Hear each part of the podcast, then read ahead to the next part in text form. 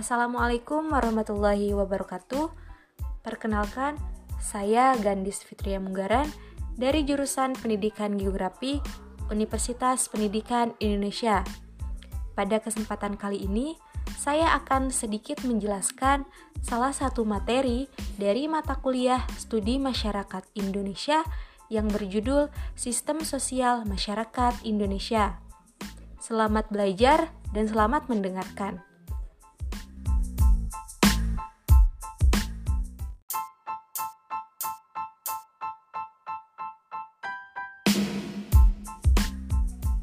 Masuk ke pembahasan yang pertama mengenai konsep dasar sistem sosial. Para pendengar di sini mungkin sudah tidak asing dengan dua kata tersebut, kata sistem dan kata sosial. Istilah sistem sering kali merujuk pada pengertian cara atau metode. Dan sosial adalah sejumlah manusia yang terlibat dalam kegiatan bersama.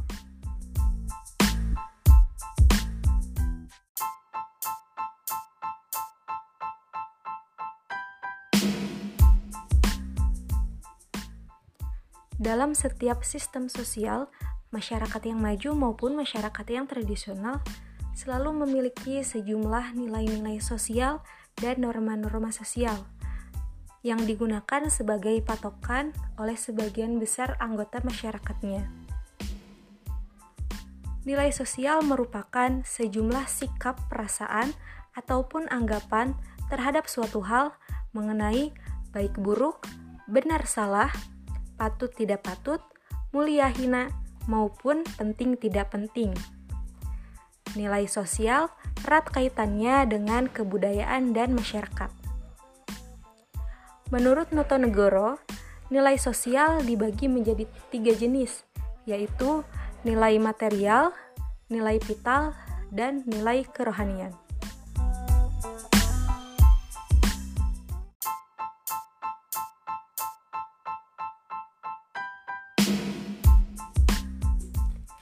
Selain nilai sosial, Norma sosial pun menjadi hal penting dalam bermasyarakat.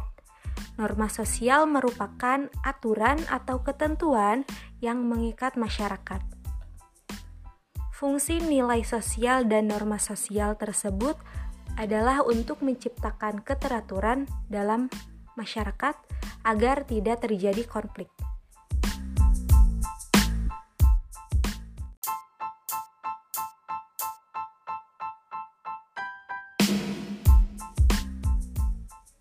Selanjutnya mengenai struktur sosial masyarakat Indonesia. Struktur sosial secara etimologis berarti susunan masyarakat. Dan secara definitif merupakan skema penempatan nilai-nilai sosial budaya dan organ-organ masyarakat pada posisi yang dianggap sesuai demi berfungsinya organisme masyarakat sebagai suatu keseluruhan dan demi kepentingan masing-masing bagian.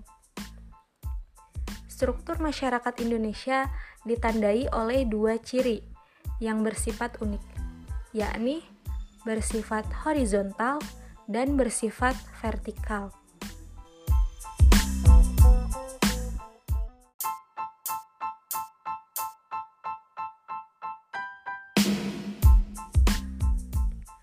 Dalam masyarakat Indonesia, terdapat kelompok masyarakat mayoritas dan kelompok masyarakat minoritas. Perbedaan tersebut timbul karena adanya perbedaan struktur sosial secara horizontal maupun secara vertikal.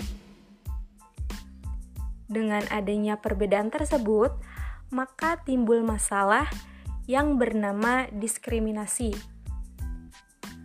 Diskriminasi merupakan perlakuan membeda-bedakan dalam masyarakat sosial. Biasanya terjadi pada masyarakat minoritas yang dilakukan oleh masyarakat mayoritas.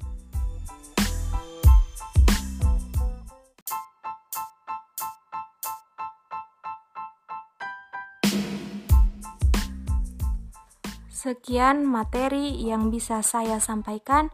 Wassalamualaikum warahmatullahi wabarakatuh.